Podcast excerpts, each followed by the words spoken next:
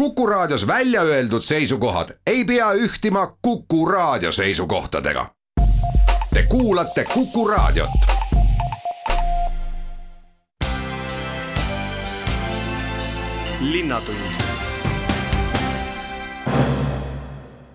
tere ja kena neljapäeva kõikidele Kuku raadio kuulajatele. alustame tänast Linnatunni saadet. mina olen saatejuht Rein Pärn alustame tänast saadet kokkuvõttega linnavalitsuse eilsest pressikonverentsist, kus anti ülevaade, mida otsustas linnavalitsus oma eilsel istungil. linnapea Mihhail Kõlvart rääkis, et linnapoolsed abimeetmed ettevõtjatele jätkuvad ning linnavalitsus otsustas linnale kuuluvatel äripindadel tegutsevaid kauplejaid, toitlustajaid ja spordiklubisid ning teisi Vabariigi Valitsuse piirangute alla jäänud ettevõtteid üle linna vabastada üüri maksmisest veel kuni kolmekümne esimese maini linnavalitsuse istungil äh, otsustasime pikendada abimeetmeid, mis puudutavad äh, ettevõtluse ja sporditegevuse toetamist. see tähendab, et mai lõpuni äh, linnapinnad on jätkuvalt sajaprotsendilise allahindlusega nendele linnapartneritele, kelle tegevus sai kannatada koroona ja piirangute tõttu Äh, veel üks kord, äh, jutt on nii äh, äriühingutest kui ka mittetulundusühingutest ja eelkõige spordiklubidest. ehk siis me pikendame abimeetmeid mai lõpuni. eraldi tooks välja mm, väliterrasside teemat, praegu küll ametlikult äh, Äh, väliterrasside äh, tasuta kasutamine on äh, pikendatud juuni lõpuni. aga tegelikult meil on plaanis vabastada linnapartnereid, kes kasutavad väliterrasse suve lõpuni praegu me saame seda teha ainult juuni lõpuni, kuna pikemaks perioodiks äh, tuleb äh, taotleda äh, järjekordselt riigiabi luba. aga praktika näitab, et see ei võta väga palju aega just koroonameetmete puhul ja tavaliselt otsused on kõik positiivsed, ehk siis me võime lähtuda sellest, et Äh, linna partneritele ehk siis äh, äh, toitlustajatele, kes pakuvad enda teenuseid linna pinnadel, väliterrasside kasutamine saab olema tasuta suve lõpuni. ka meie arvame, et vaatamata positiivse dünaamikale olukord ei ole veel stabiilne. me ei tea, mida toovad meile Äh, koolivaheaeg ja äh, uued äh, siis tüvid, mis praegu juba levivad Eestis. ehk siis on vaja olla valmis ka halvemaks stsenaariumiks, aga samas see, et praegu on tulnud esimesed leevendused minu arvates äh, oli vajalik, äh, sest äh, ühiskond on väsinud piirangutest ja vajab positiivseid signaale. on vaja olla valvel nii riigile kui ka omavalitsustele. pressikonverentsil anti ülevaade ka koroonaviiruse leviku olukorrast nii Eestis tervikuna kui ka pealinnas ja Harjumaal laiemalt ja seda tegi Terviseameti epideemiatõrje osakonna nõunik Irina Tontšenko kus siis meie inimesed nakatuvad, see on väga oluline, kui palju me teame nakatumispaikade kohta.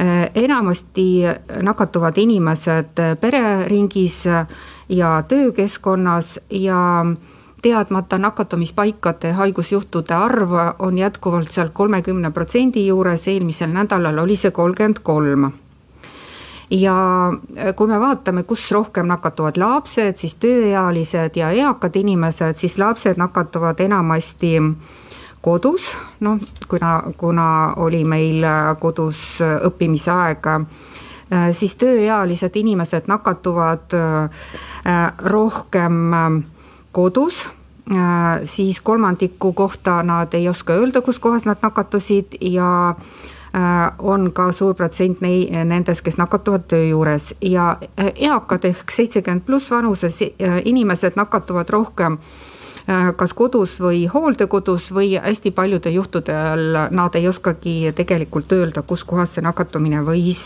toimuda eraldi me tavaliselt käsitleme ka reisimisega seotud haigusjuhte, eeskätt ähm, selles valguses, et meie inimesed hakkasid rohkem reisima, muidugi kõik on juba väsinud meie külmaga ja soovivad ikka soojale maale minna ja natukene oma patareisid laadida, siis siinkohal on meil negatiivne dünaamika ja sisse toodud haigusjuhtude arv meil kasvab ja eelmisel nädalal see moodustas pea neli protsenti ja nelikümmend protsenti nendest haigusjuhtudest äh, on meil sisse toodud Egiptusest. Ehk nelikümmend viis juhtu saja üheteistkümnest, mis oli meil nädala jooksul registreeritud.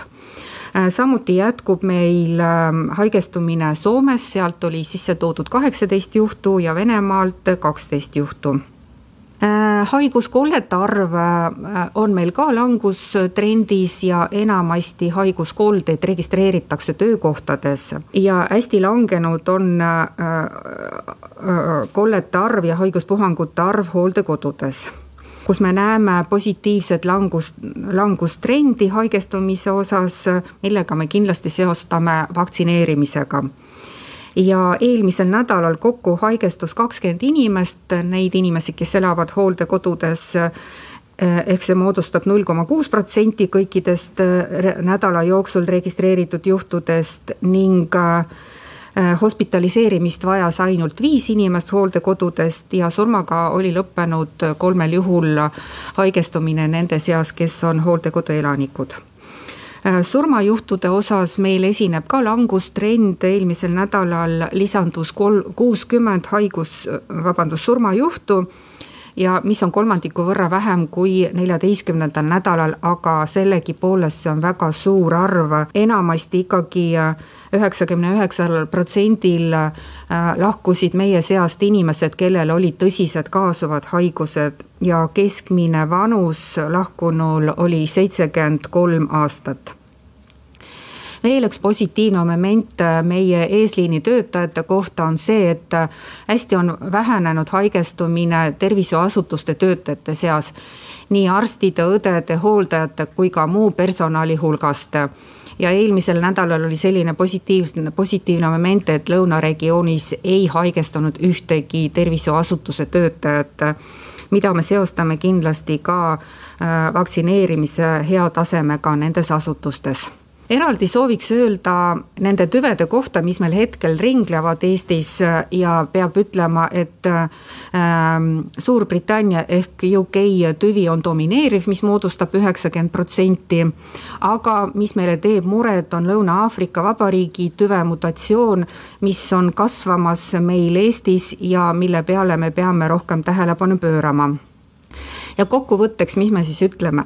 me ütleme seda, et haigestumuse tase on jätkuvalt kõrge meil üle-eestiline ja me ei tohi unustada mitte midagi nendest ennetusmeetmetest, mis meil on tarvidu, mida me praegu kasutame. viirus ei ole mitte kuskile kadunud samuti äh, nende haigestumise numbrite tasemel, mis me praegu, mille, mis meil praegu on, on Vabariigi Valitsus otsustanud teatud leevenduste osas, mis jõustuvad siis äh, kahekümne kuuendal aprillil ja kolmandal mail, me võime kõik nendega tutvuda.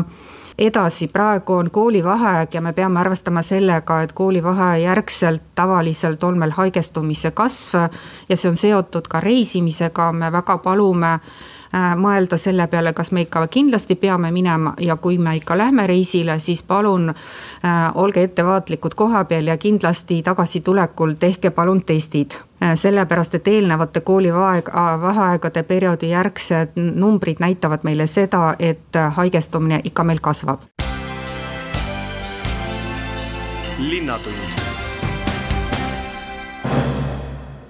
räägime ühest rahvusvahelisest uuringust, mille nimi on Tervislike kodude baromeeter, mis toob välja ühe olulise teema, mis meie tervist Eesti kodudes ohustavad. nimelt siis on erinevad ohtlikud sellised terviseriskid, mis tuhandetes ja tuhandetes kodudes inimestel on aja jooksul tekkinud. kuna tegemist on rahvusvahelise uuringuga, siis eesti keeles saab nüüd seda teemat kommenteerida Velux Eesti osaühingust Toomas Aavisto, tere päevast! ja tere päevast! olge hea, rääkige, mis asi see tervislike kodude baromeeter on ja mis nüüd siit Eesti kodude kohta välja lugeda saab? jah, antud uuringut on äh, alates kaheteist, kahe tuhande viieteistkümnendast aastast äh, saadik iga aasta tehtud ja uuringut äh, siis toetab äh, Velux Grupp ja uuringuid äh, teevad äh, erinevad uuringuagentuurid äh, üle Euroopa. mida uuritakse, just seda, kuidas on meie kodude sisekliima ja, ja kuidas see sisekliima mõjub äh, nii lastele kui ka, kui ka teistele elanikele nendes kodudes. ja tuleb siis välja, et äh, tuhandetel ja tuhandetel kodudel ja seal elavatel tuhandetel lastel on kodudes erinevad sellised äh, salapärased terviseriskid, mis on siis jah, sellest sisekliimast tekkinud. kui palju neid siis, neid erinevaid terviseriske kodudes on ja mis need riskid täpsemalt siis on? No olenevalt Äh, sellest, mis, äh, mis seisus hooned on, on ka erinevad riskid. et äh, kui hooned on halvemas seisus, võib tekkida hoonetes hallitust, mis omakorda võib mõjuda näiteks nii hingamisteedele kui ka, kui ka näiteks allergiat võib, võib tekitada. ja millest hallik-, liigniiskus äh, ja liigniiskus kodudes äh, tavaliselt tekib, et äh, üks asi on loomulikult juba vananenud konstruktsioonid ja teine, teine asi on liiga vähe kodude kütmine. et teinekord hoitakse liiga madalat temperatuuri talvel ja siis on hallitusele tee vaba soovitatakse vist, et kui ööpäevane õhutemperatuur langeb seal kusagil alla kaheksa kraadi, et siis peab väga aktiivselt äh, kütma hakkama, aga inimesed siis äh, ilmselt äh, ootavad ikka vi-, kuni miinuseni välja läheb, et siis, siis alles hakatakse kütmise peale mõtlema, ilmselt see, selles on asi. no tegelikult tuleks vaadata seda toatemperatuuri. Et kui toatemperatuur ikkagi juba langeb alla kahekümne ühe kraadi, siis juba kindlasti peaks kütta, kütma hakkama ja teine, teine asi on, äh, tuleks äh, jälgida niiskust äh, ruumides. et samamoodi niiskuseaste ei tohiks väga kõrgeks tõusta, sellepärast et kui nüüd on kõrge niiskus ja madal temperatuur, siis tekivadki probleemid. ja need probleemid avalduvad siis noh, ilmselt astmaatikutel üsna varakult, teistel inimestel võib-olla sellest, et siis köhitakse võib-olla liiga palju ja nina on tatine ja nii edasi, et äh, või mis, mis, mis siin teada on? no tegelikult on niipidi, et äh, just äh, see võibki olla põhjus, miks üldse tekib näiteks astma või, või hingamisteede haigused ja samamoodi, miks üldse tekib allergia et liigniiskuse tõttu võivad, võivad sellised asjad tekkida ja kui seda liigniiskust nendes hoonetes ei ole Äh, siis äh, hoopis on niipidi, et äh, lapsed, inimesed, kes seal hoones elavad, on hoopis, võivad terved olla. Et see on ka, see on ka näiteks Veluxil endal kogemus, kuna oleme ka toetanud selliseid projekte, kus kohas on ehitatud nullenergiamajad ja kuhu on elama läinud astmaga perekond ja seal nende tervis on paranenud. sama palju probleeme, kui on äh, nendest tallitavatest seintest või, või külmast äh, õhust ja liigniiskusest on ka ju valguse probleemid, et äh, toad on hämarad või siis jah, ei, ei panustata sisevalgustuse peale piisavalt palju või siis müra tuleb kas siis õuest või, või naabritelt. et kui paljudes kodudes need hädad on? Äh, kui nüüd seda uuringust vaadata, siis äh, Eesti puhul äh, uuring toob välja, et see võib olla kuni üheksas protsendis kodudest selli-, selline probleem. aga vähene valgus võib tekitada seda, et ei ole, ei ole mugav nendes ruumides olla ja samamoodi vähene päikesevalgus kindlasti ei aita kaasa laste, laste õppimisele Äh, et mida rohkem on päevavalgust, äh, seda, seda kõrgem on ka äh, laste õpivõime näiteks. kas need eelnimetatud probleemid, mis siin uuringust välja tulevad, esinevad just selliste vanemate majade puhul, mis on siin pool sajandit tagasi ehitatud näiteks või ka uute puhul, et ongi kohe algusest peale see ehituse kvaliteet nii kehva, et äh, on siin kokku hoitud ja võimalikult säästlikult püütud need kipskarbid nii-öelda püsti panna ja, ja on ka uutel majadel samad probleemid või? Äh, suuremas osas ikkagi hetkel räägime juba olemasolevatest majadest või, või juba äh, mõned aastad vanadest majadest ikkagi. et hetkel, kui, kui vaadata Eesti uut ehitusturgu, siis, siis see on kindlasti paranenud siin äh, aastate vältel. mida toob veel äh, antud uuring välja, et äh, kui näiteks Euroopas me suudaksime renoveerida iga aasta kaks protsenti kõikidest hoonetest, siis oleks kahe tuhande viie, viiekümnendaks aastaks pooled hooned meil juba renoveeritud. Aga hetkel äh, renoveeritakse alla ühe protsendi äh, hoonetest äh, kogu Euroopas. kas see põhiline, mida renoveerimise all antud juhul silmas peetakse, on ikkagi see väline soojustamine ja kui jah, mul loomulikult ka siis, kui on lekkiv katus näiteks ära parandamine või annab ka noh, ütleme siseremondiga seda olukorda muuta?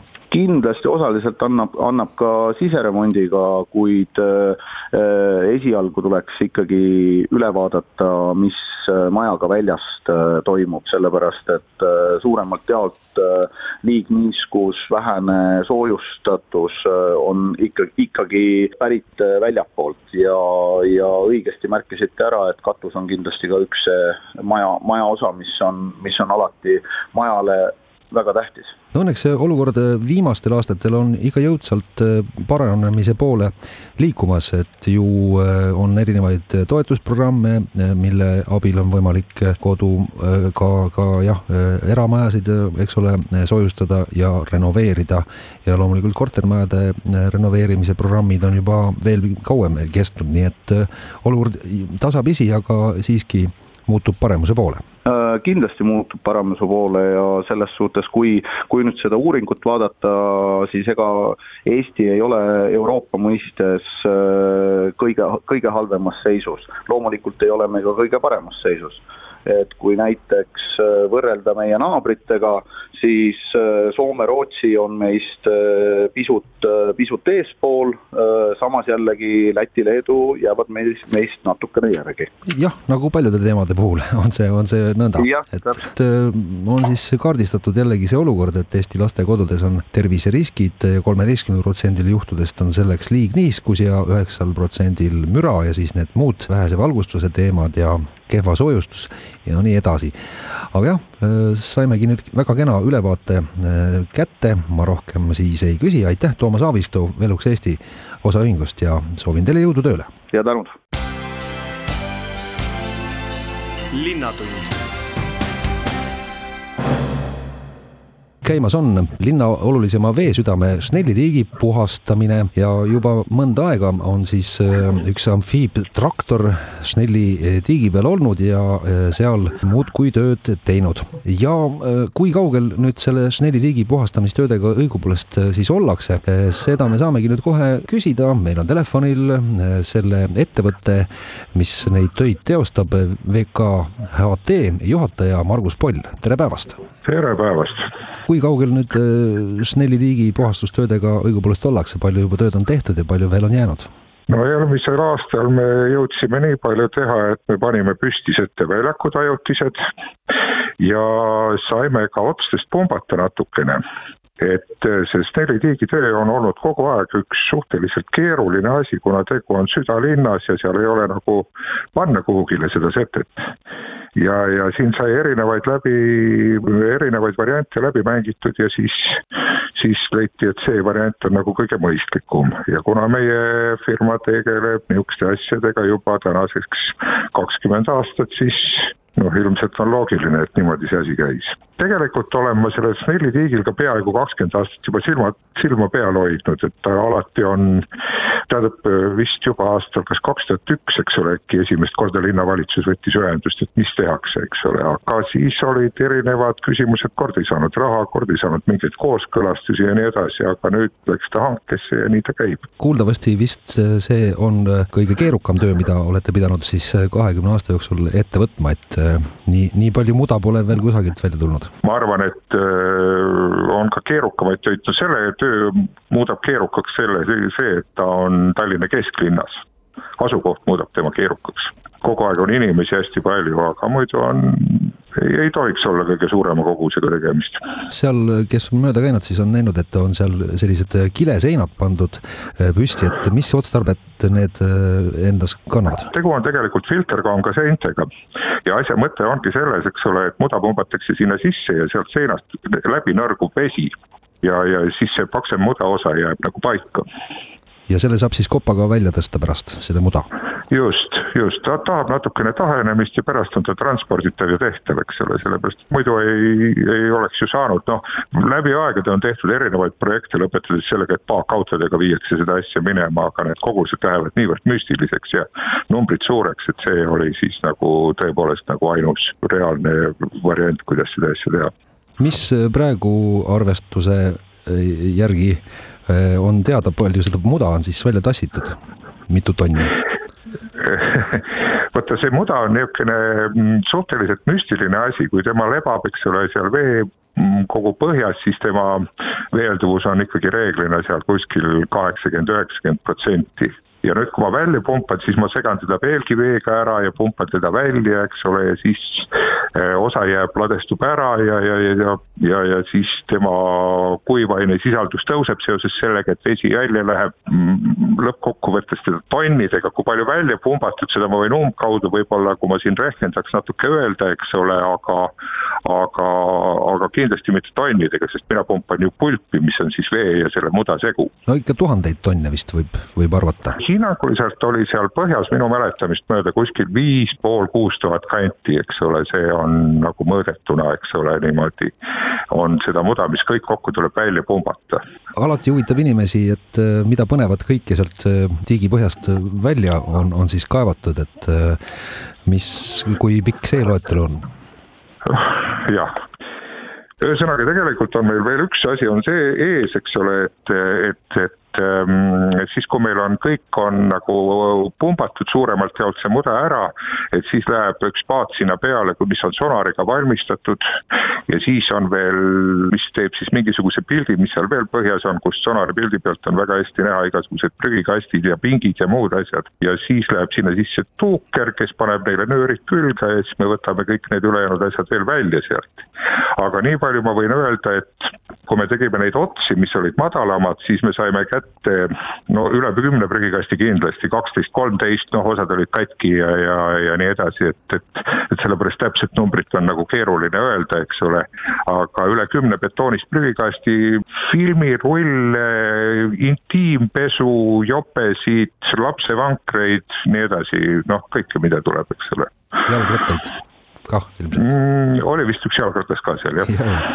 aga ühtegi aaret leidnud veel ei ole no vaata, haardega selleks peaks ikka ta täiesti tühjaks võtma ja, ja, ja seal sees sobrama, sellepärast et pumbaga nagu väga ei näe neid asju, et, et kõik see, mis kogemata ette jääb, see tuleb, aga ei haardeid ei ole kui selliseid. see põhiline töö käib siis ühe põneva veesõidukiga, amfiibtraktoriga, et äh, see saab ikka päris kõvasti vatti vist seal ja, ja selle hooldamisega on ka ikka tükk tegu, et äh, kuidas seni see amfiibtraktor vastu on pidanud? No siin ongi niisugune asi, et eelmine aasta mm, me tegime selle meie va ühe vana masinaga, eks ole, mis oli Trucksack neli tuhat seitsesada B. aga sellel oli see häda, et pumpamissügavus oli seal kuskil kuni ainult üks koma kaheksa meetrit. aga seal on sügavamad kohad Snelli tiigis on kolme poole meetri peale, eks ole, ja sellepärast me siin lihtsalt nüüd selle aasta alguses ostsime uue tüübi masina ja nüüd me saame võtta põhjani.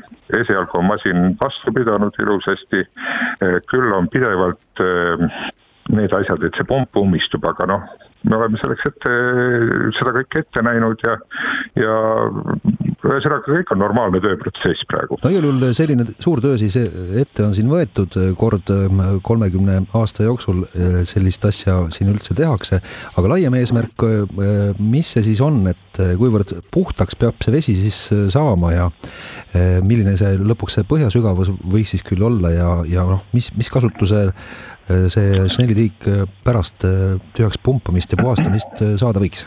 No tegelikult on seal see asi, eks ole, et, et esialgne eesmärk on siis kätte saada, eh, nende otste peal oli juba seda sette, settekihti nii palju, et ta kippus juba väljas olema ja haisema. noh, selitiiki ümbritsevad ju puud ja, ja, ja ühel pool on seal Toompea nõlv ja puulehed kukuvad sinna sisse, oksad kukuvad eh, nõlva pealt, tuleb mingit pinnase erosiooni sinna sisse ja, ja vaikselt tema siis nagu saabki nagu täis erinevat setet, aga ütleme, ütleme nii, ma saan põhjast kätte selle lenduva sette, aga vaieldamatult ma ei suuda seda vett teha nagu kristalseks või, või helesiniseks või milleks nihukeseks iganes. seal oleks vaja ka teha tõenäoliselt äh, veevahetus. et ütleme jah, esimene eesmärk on siis haisuvabaks teha, aga et seal, ma ei tea, ujuma saaks hakata, et seda, seda lootust esialgu veel ei ole no eks see sõltub siis, kui on pumbatud ära ja tehtud, võetud erinevad proovid ja nii edasi, aga aga nagu ma aru saan, ega linnavalitsus ei vaata ka väga hea pilguga, et seal inimesed ujuma hakkaksid seal sees, sest meil on ju teatavasti erinevaid seadusi ja, ja kui on juba niisugused linnasisesed ujumiskohad, siis peab olema seal vetelpäästjad ja vastavalt varustused ja, ja kõik muud asjad, et et see võib minna natukene keeruliseks seal. no igal juhul töö jätkub ja siis äh, esimene selline kuupäev päev, mida oodatakse, et äkki juba, juba on tunda, et on tõesti puhastustööd kandnud vilja, on see viieteistkümnes mai, eks ole et selline kuupäev on teile vist ette pandud või? no meil oli üldiselt, meil oli see võetud, eh, kui me eelmine aasta sõlmisime lepingut ja kõike seda asja, siis see oli võetud selliseks optimistlikuks kuupäevaks. ja mispärast me ka ehitasime juba sügisel neid seteväljakuid ja asju, sellepärast et eelmine talv oli meil ju teatavasti pehme. ja me lootsime, et äkki on see talv ka pehme ja me saame see talv ka pumbata. aga me saime pump pumpamisega alustatud siin mingisugune kaks nädalat tagasi alles. et raudselt läheb meil kuu aega ära pumpamisega, mis meil oli rehkendatud ja kõik oli teada värk. et eh, kui me oleksime suutnud siin noh, ütleme novembri-detsembri alguses hakata pumpama, siis oleks see viisteist mai olnud täiesti reaalne kuupäev. aga nüüd on niimoodi, et kui me saame viieteistkümnendaks maiks pumbatud, on väga hästi, aga seal sellel väljakutel peab see sete ka veel natukene aega tahenema, et teda äh, saaks transportida ja see tahenemine on minimaalselt kaks nädalat. no pigem teha töö korralikult ära, kui kiirustades ja, ja lohakalt, see, see, kehtib iga töö puhul. ülevaade äh, töödest Snelli tiigil väga kena olemas, ma väga tänan äh, Vega HT juhataja Margus Poll selle jutuajamise eest ja soovin teile siis jõudu tööle. aitäh. linnatund räägime ühest omamoodi objektist, mida parasjagu Tallinnasse Vanasadama admiraliteedi basseini kanalile rajatakse, täpsemalt siis tehakse sinna jalakäijatele pöördsild ja sellist asja ei ole siin Eestimaal küll varem nähtud. aga jah, mis seisus nüüd selle pöördsilla rajamisega õigupoolest ollakse, milline see esmane ilme on ja mis tööd tuleb veel ette võtta, et saaks seda pöördsilda kasutama hakata. Saame seda kohe küsida, meil on telefonil Tallinna Sadama turundus- ja kommunikatsiooniosakonna juhataja Sirle Arro, tere päevast! tere päevast! jah, see pöördsill ise on juba valmis, aga kasutada veel ei saa, et mis seisus nüüd sellega ollakse? jah, sild on peaaegu valmis, ütleme niimoodi visuaalselt tundub, et ta on üsna valmis, aga siiski mõned tööd on veel e-, ees. Et äh, hetkel käib siis vaikselt veel värvimine, mm, paigaldatakse ja seadistatakse valgustust ja käivad ka erinevad elektri- ja automaatika tööd ning loomulikult testimine. Et siis see sild hakkaks korralikult käima, et mõeldud on ta nii, et sild avatakse siis sild ehitise pööramisega üheksakümmend kraadi ja see avamine ja sulgemine hakkab toimuma kaugjuhtimisega ja sõltub siis eelkõige laevaliiklusest, et miks ta just on selline avatav, on, ongi see, et me tahame säilitada ikkagi seal ka jahisadama funktsiooni, et suvisel ajal siis kevadsuvisel, sügisesel ajal saaksid ka kaatrid ja, ja jahid meile endiselt äh, sinna basseini tulla. aga see põhiline asend siis, mis sellel sillal saab olema, on ikkagi mõeldud, et jalakäijad saaksid äh, pidevalt edasi ja tagasi. juhul, kui on vaja mõnel laeval või kaatril äh, läbi sõita, siis, äh, siis alles pööratakse, jah? jah, et see, see ütleme, see graafik avamise ja, ja kinnipanemise graafik, et see, see selgub ilmselt või ütleme selle siis, missuguse graafiku alusel ta hakkab toimima, et teatud eeltöö või nägemus on meil olemas, aga kindlasti see, see sõltub sõltub laevaliikluse tihedusest ja saab selgeks siin võib-olla kuu-paari jooksul täpsemalt, et silla mõlemasse otsa tulevad ka ekraanid, et seal on siis hästi näha, et millal sild on lahti, millal see sild on kinni. aga eelkõige jah, oleme muidugi mõelnud äh, silla selleks, et paremini äh, ühendada need terminalide äh, juures olevad kallasalad ja luua just sellist noh, kergliiklus teede võimaluste sadamaalal, et nii jalakäijatel kui jalgratturitel oleks lihtsam sadamaalal liikuda ja võib-olla vähem seetõttu peab kasutama siis ka mm, transporti kui palju seejalavaev lüheneb tänu sellele sillale, et äh, ei pea enam ümber selle basseini käima? no ümber basseini orienteeruvalt see ring on äh, nüüd circa kilomeeter et ähm, kuna meil siin Eesti ilm on väga ettearvamatu ja tihtipeale on kas siis sadu või on äh, talvel, ka sügisel, kevadel on sellised tuulisemad ja vihmasemad ilmad, et siis see kilomeeter mõnikord võib tunduda üsna pikk. eriti võib-olla siis, kui kiirustad ühest terminalist teise, et oled võib-olla natukene segadusse sattunud täpselt, millisest terminalist su laev väljub või, või ka kui liigud siis äh, ühest äh, ütleme linna küljest teise, et siis see sild kindlasti loob äh, lihtsama ja parema võimaluse et A-terminali juurest D-terminali juurde või D-terminali juurest A-terminali juurde.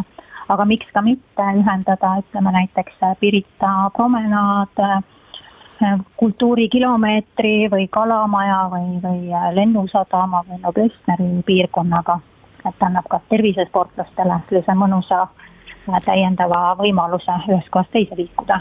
et äh, lõplikult seda silda siis kasutama saaks hakata, siis nüüd on vaja need äh, katsetused läbi teha, et äh, kes neid täpsemalt siis teeb ja, ja ma saan, kas Tehnilise Järelevalve Ameti käest peab selle kasutusloa saama või kuidas see käib? no hetkel käib ikkagi veel ehitaja teeb neid katsetusi et sellel nädalal ma tean, et näiteks siin teisipäeval käivad katsetused ja võib-olla ka mõnel teisel päeval äh, teeb veel ehitaja katsetusi, seadistab seadmeid, et nad käiksid sujuvalt, siis, siis toimub äh, aprilli lõpupoole ka koolitus äh, silla operaatoritele ehk siis Tallinna Sadama töötajatele, kes hakkavad kaugjuhtimise teel seda silda avama ja sulgema.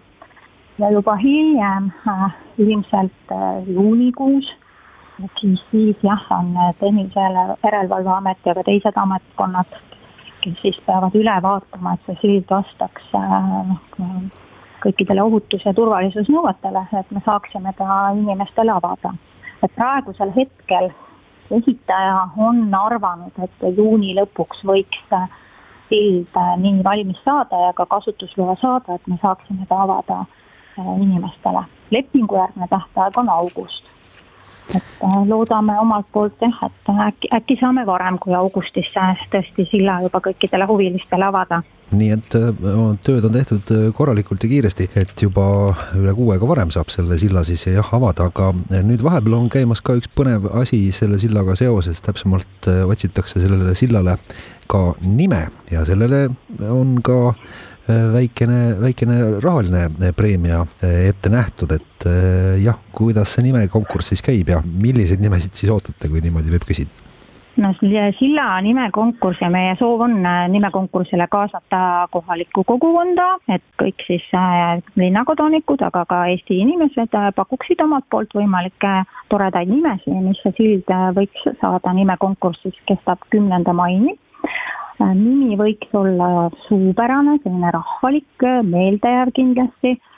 hea oleks, kui selles nimes kajastuks ka Vanasadama kui sellise ajaloolise piirkonna identiteet mõnes mõttes ja noh, ta võiks olla jah, sellise märgilise tähendusega, sest me ikkagi arvame, et sellest sillast saab maamärk äh, Tallinnale ja sellele piirkonnale ja kujuneb selline mõnus ja meeldiv ajaveetmiskoht nii linnakodanikele, aga miks ka mitte ka tõmbenumber linnakülastajatele.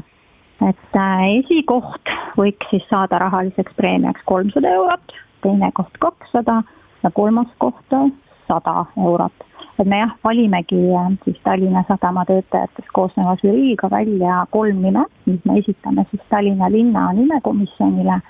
Need kolm nime kooskõlastamiseks, et nad sobivad siia Tallinna linna ühele olulisele objektile.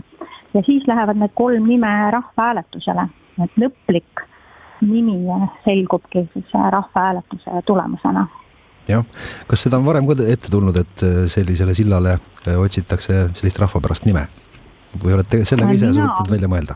Mina küll ei tea, et äh, sillale nime niimoodi rahva, rahvaalgatuse näol või ütleme, rahvahääletuse näol või rahva, rahvalt küsides et otsitakse, et noh, laevadele oleme me küll kuulnud väga palju, on ju, et ka meie enda parvlaevad said nimed, äh, rah-, rahva poolt pakutud nimed ja ka ütleme siin meie Tallinki, Viiking ja Eckerö laevad on laevadele nimed on otsitud tavaliselt äh, rahva küsitluste tulemusel.